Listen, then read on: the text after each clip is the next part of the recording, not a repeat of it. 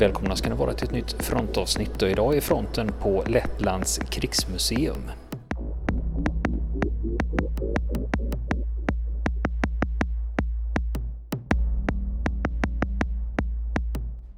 Och nu fortsätter vi besöket på Lettlands krigsmuseum. Och sen kommer vi fram då den första stora slaget här då. Det var med ryska 12 armén och där var det de lettiska bataljonerna första, andra och sjunde som var med. Det var nära Kekava och det var mars 1916.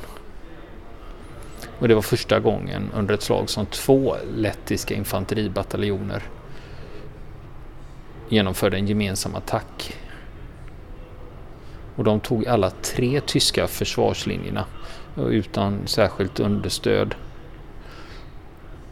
Utan något understöd så lyckades eh, letterna hålla sina positioner i de tyska skyttegravarna under dagen trots att de var utsatta för tungt artilleri och eh, kulspruteeld. Och de fick skydd av ryskt artilleri. Båda bataljonerna fick eh, retirera på kvällen. Och eh, det blev ett ganska nedslående resultat. 266 letter stupade eller försvann och 455 skadades under det här anfallet. Och det slaget jag precis berättade om det var i mars eh, eh, 1916. Och sen har vi ett eh, slag, flera slag är det förresten, nära Kekava. Och det hände mellan 16 och 21 juli. Och det funkade inte så bra heller. Det var ryska 12 armén och eh, nu ska vi se, en, två, tre, fyra, fem lettiska bataljoner deltog i attacken. Och attacken, anfallet påbörjades med en kraftfull men totalt felriktad artilleriattack. Som inte förstörde fiendens taggtråd. Utan eh, när de väl stormade fram så var de tvungna att klippa taggtråden själva när de var under fientlig eld och eh, första lettiska bataljonen. De kom inte längre fram än den första försvarslinjen. Och där håller de sin position i fem dagar. Och då blev det en ny försvarslinje för dem, ganska nära fienden. Och eh, de drabbades tyvärr av ganska hårda förluster. En tredjedel eh, av eh, männen stupade eller sårades. Men sjunde lettiska bataljonen var mest framgångsrik. De lyckades ta två, två förstärkta tyska försvarslinjer. Men eftersom man inte lyckas med några andra genombrott på fronten här så blir man tvungna att överge det här och retirera efter sex dagar. Och eh, totalt sett eh, under det här slaget då som eh, skedde mellan 16 och 21 juli så förlorade ryska 12 armén 30 000 soldater och 2100 av dem var letter. Och de som är intresserade av medaljer, här hänger det lite till. Vi har Sankt George-korset av andra klass och Sankt George-korset av fjärde klass. Och så har vi också den serbiska Vita Örnorden av fjärde klass. Sen har de ett litet tema här och det gäller användningen av stridsgaser. Och det var både tyska och ryska armén använde kemiska stridsmedel. Det var bland annat artillerigranater, handgranater och sen eh, gasbehållare som var fyllda med giftig gas. Och det här skedde alltså i, i Lettland under första världskriget. Och sen har vi en händelse 1916 som det står en hel del om.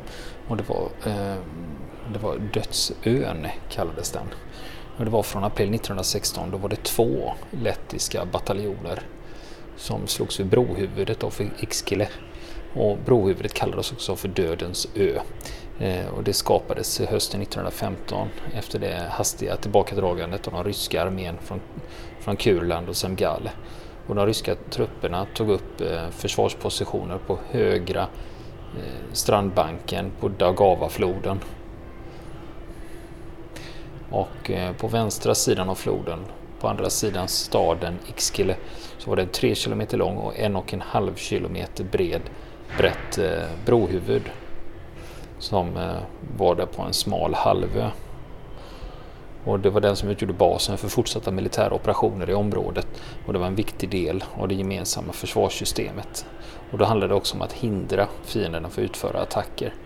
Och båda bataljonerna Eh, tillbringade 199 dagar på Dödens ö och de eh, drabbades av eh, stora förluster, 145 infanterister stupade och 449 sårades. De byggde nya försvarsanläggningar och så var det också skottlossning fram och tillbaka mellan ryska och tyska styrkor. Och eh, lettiska och ryska soldater hade sökt skydd i, i sina skyttegravar oktober 1916 och det är då tyska armén första gången använder stridsgas för första gången i Lettland. Nu var det så att det lettiska, skyt, lettiska infanteriet var inte på Dödens ö när anfallet, när gasanfallet skedde. Bland ryssarna så stupade 240 soldater och ungefär 1000 var förgiftade eller skadade på grund av gasattacker. Och de ersattes då soldater från andra lettiska bataljoner. Sen har vi en liten del här som handlar om de tyska soldaternas vardag i Lettland. Här har vi en snusk, snuskburk som ser misstänkt likt ut eh, det gamla svenska. Exakt samma funktioner med handtag och ja, till förvillelse lik. Även deras vattenflaskor är också likt den gamla svenska metall. Ett cigarettetui med, med järnkorset målat på och så står det Vi ska och vi måste segra. Vi wollen und wir müssen siegen. Sen har vi en liten intressant grej. Det är, man har flera ringar utställda här som är tillverkade av lettiska soldater. Och det var just eh, i det här skyttegravskriget så eh, ibland hände det inte så mycket och då hade de möjlighet att göra smycken så då tillverkade de ringar. Och det fanns eh, tydligen gott om råmaterial för man, eh, det var tyska granater som eh, man använde till det. Och det var att eh, en del av de tyska granaterna innehöll aluminium. Och då kunde man ta loss aluminiumen från eh, granaterna, smälta ner det och sen göra smycken av det då. Och så skickar man hem det till anhöriga som ett minne eller som en souvenir. I slutet av juli 1916 omorganisationen av de lettiska bataljonerna in, in i regementen påbörjades.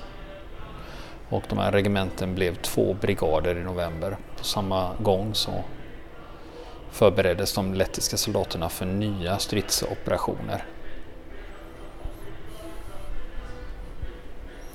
Då pratar man om eh, julstriderna. Och det lettiska infanteriregementena bryter igenom den tyska fronten och lyckas ta alla tre tyska försvarslinjer. Vi har ju pratat om det bland annat i, slag, i avsnittet om bland annat i avsnittet om Rommel under första världskriget. Tyskarna byggde upp sitt försvar med, med djupa försvarslinjer. Och I det här fallet vid jul så lyckas eh, de letterna ta alla tre försvarslinjerna men lyckas inte hålla dem. För de får inte tillräckligt med förstärkningar. Så de blir tvungna att returera. Så jag har ju nämnt några gevär redan. Här dyker ett nytt upp. Och eh, här är det ett eh, japanskt gevär som letterna hade. Arisaka typ 30. Och med tillhörande bajonett. Och det var hösten 1916. Då beväpnades eh, de lettiska infanteristerna med japanska gevär. Så det var amerikanska, ryska och tyska danska. det var ganska, ganska bra blandning. Sen dyker det upp några intressanta människor i den här historien. Och det är soldater från finska 27 jägarbataljonen som dyker upp vid Tirelis träsket. Och det är nära staden Mangeli och det är vintern 1916. Det blir man ju nyfiken på och skulle vilja höra mer om. Och sen jag nämnde jag att det var, var grejer och det var ju vapen från flera olika flera olika länder. Men nu här står också en tysk kulspruta då, en MG08. Och det som är särskilt med den här är att den har fästen för släde. Så man kan dra den på släde istället. Och den här är ganska komplett. Man har, eh, man har en värmeväxlarlåda till den och sen också ammunitionsbox till den tyska MG08 som står där. Den är ju vätskekyld. Den ser ut som en ja, Maxim ungefär. De som är medicinskt historiskt intresserade. Här har vi en liten eh, monter med lite grejer som handlar om just det här. Just om eh, arméläkarna. Bland annat har man en uppsättning eh, verktyg här. Jag vet att det finns folk som är intresserade av gamla medicinska instrument som tycker de är trevliga att ha. Här är det ett kirurgkit eh, som tillhör en rysk medicinsk officer. Och här har vi då ett eh, kirurgkit som har tillhört en rysk armékirurg. Också, eh, ja det är ju kirurgen och sen har vi också en trälåda här som innehåller en uppsättning tänger och lite andra otäcka grejer. Och det är tandläkarens sätt och det är också för ryskt militärt bruk. Russian Field Dental Kit. Och det är ju, det är ju en trälåda då som är gjord för att ha med ute i fält. Jag blir lite orolig också när jag ser att det ser något som ser ut som en hammare där i också. Det ser ju inte trevligt ut. Sen har vi en monter med lite olika typer av medaljer. Vi har Sankt Annas orden. Det är ju ryska militärdekorationer där. Sankt Annas orden tredje klass, Sankt Anna orden andra klass, Sankt Anna orden fjärde och Sankt Stanislaus orden fjärde klass, Sankt Vladimir orden tredje klass. Och sen också från Österrike-Ungern har man militärmedaljen Signum Laudis. Och sen har vi ryska eh, militär, eh, militärdekorationer. Det är Sankt George, Sankt Georgs korset då, första, andra och tredje klass. Och sen också tyska eh, dekorationer. Då är det järnkors, andra klass. De är ofta märkta med årtal då på de här 1813, 1914, 1914. Om man ska utse någon av de här jag just nämnde som är mest bling-bling så tycker väl jag den ryska Sankt Stanislaus orden om fjärde klass ser tjusig ut med massa bling-bling på. Sen är det också eh, eh, eh de utmärkelserna som de tyska soldaterna fick när de sårades så den finns i första, andra och tredje klass och alla är representerade här. Och sen har vi också identitetsbrickor från eh, tyska soldater. Och även identitetsbrickor när det gäller de ryska soldaterna. De tyska var ju liksom graverade eller instansade. Medan i de ryska så var det som eh, en berlock nästan som man fällde ut dem och i det låg det en papperslapp med information om man skulle ha. Det är intressant om inte jag sett tidigare. Sen har vi en tysk hjälm här. Modell 1916, det är den här klassiska tyska hjälmen. Men det är en jäkla massa kul hål i den. Man blir lite nyfiken på hur det har gått till. Och sen när man kliver ut från den delen av utställningen så kommer man in i nästa. Då har man tagit en rum och inrett det med röda väggar och röda fanor. Och det ska ju då symbolisera den ryska februarirevolutionen 1917 och vilka förändringar det innebar för eh, Lettland. Det pågående kriget och misslyckanden vid fronten, stora förluster och ekonomisk kollaps. Det gjorde att man blev eh, less på tsarstyret och det blev februarirevolutionen. Autokratin störtades och eh, man tog makten av en provisorisk regering då var det ju faktiskt Marseljäsen som spelades här. Jag trodde det skulle vara Internationalen. Ja, och nu kommer vi in på nästa del. Vad hände sen då? Bara för att det var februarirevolution så tog ju inte kriget slut där. Utan eh, Eh, här handlar det om vad som hände i Lettland eh, september 1917 till mars 1918. Och då var det i september 1917. Då skulle tyskarna genomföra en offensiv Och målet är då att slå ut den eh, ryska 12 armén, inkluderat då de lettiska regementen. Och för att lyckas med det här så förstärker man upp det med mer tyska soldater som kommer från västfronten och Galicien. Den 1 september startade det tyska anfallet. Och eh, tyskarna lyckas med det här. Och det innebär också att tyska trupper kommer in i Riga den 3 september. Och det innebär att de ryska trupperna trycks tillbaka. De befinner sig fortfarande inom de lettiska gränserna men eh, nu har man ju tagit Riga och flera andra städer. Och när tyskarna invaderar då blir det lite jobbigt i stan. För tusentals människor flyr och eh, stadens byggnader, delar av stadens byggnader förstörs av artilleri. Och eh, de retirerande, tyska, eh, den retirerande ryska armén bränner ner broar och plundrar i butiker. En del av de lokala baltiska tyskarna, så de kallades, de tog emot de här tyska soldaterna med blommor.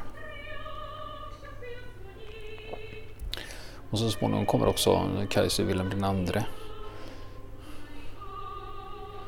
Den 7 september kommer han tillsammans med befälhavaren av de tyska styrkorna.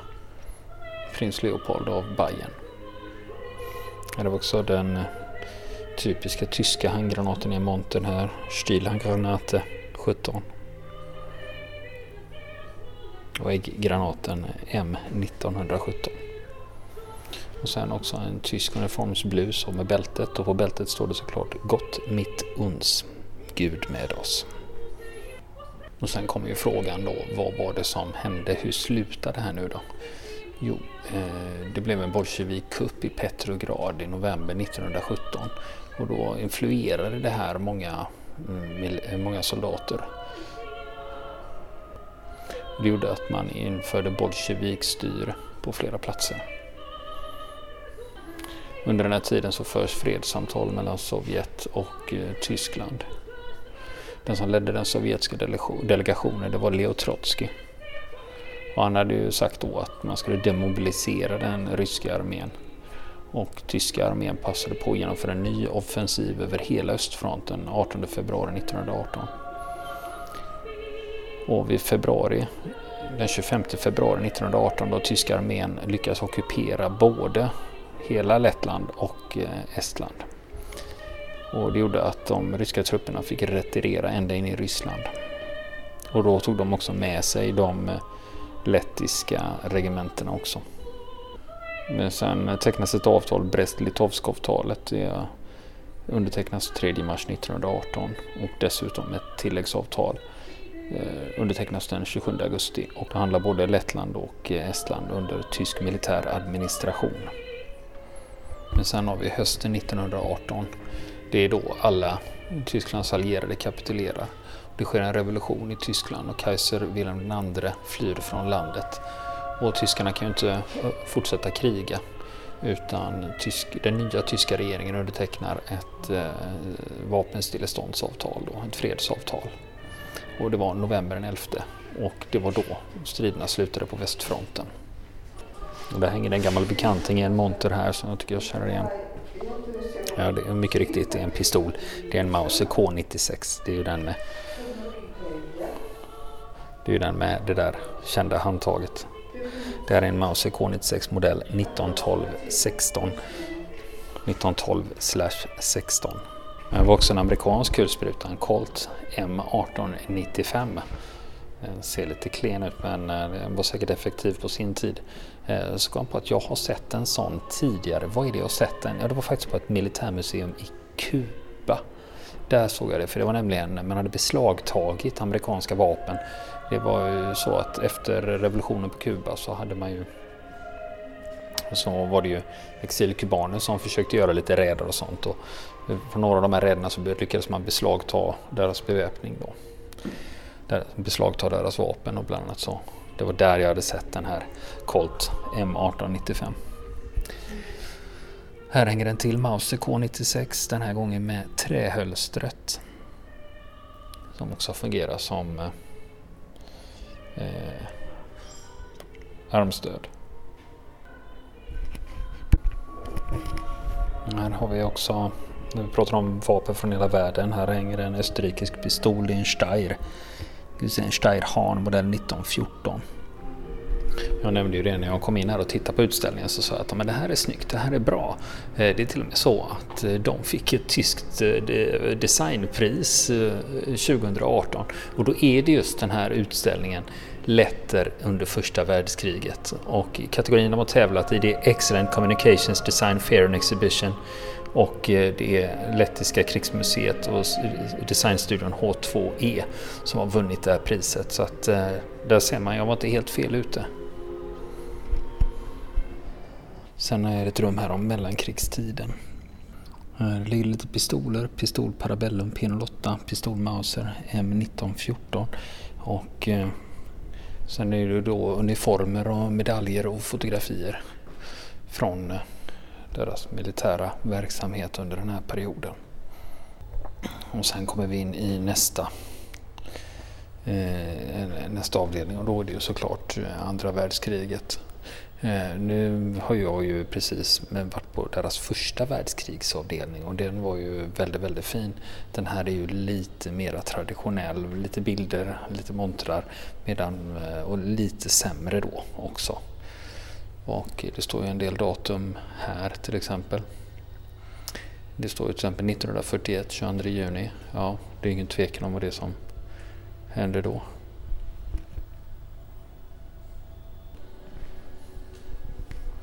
Och nu är det ju den här, här avdelningen, där är ju ingenting översatt, där är ingenting översatt utan allting står ju på lettiska här då. Men eh, av kartor och bilder så kan man ju se att det är strider.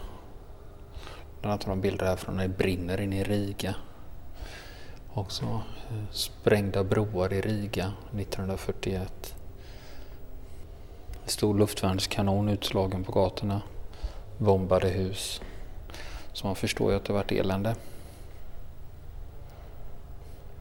Och det är tysk, tyska trupper inne i Riga här.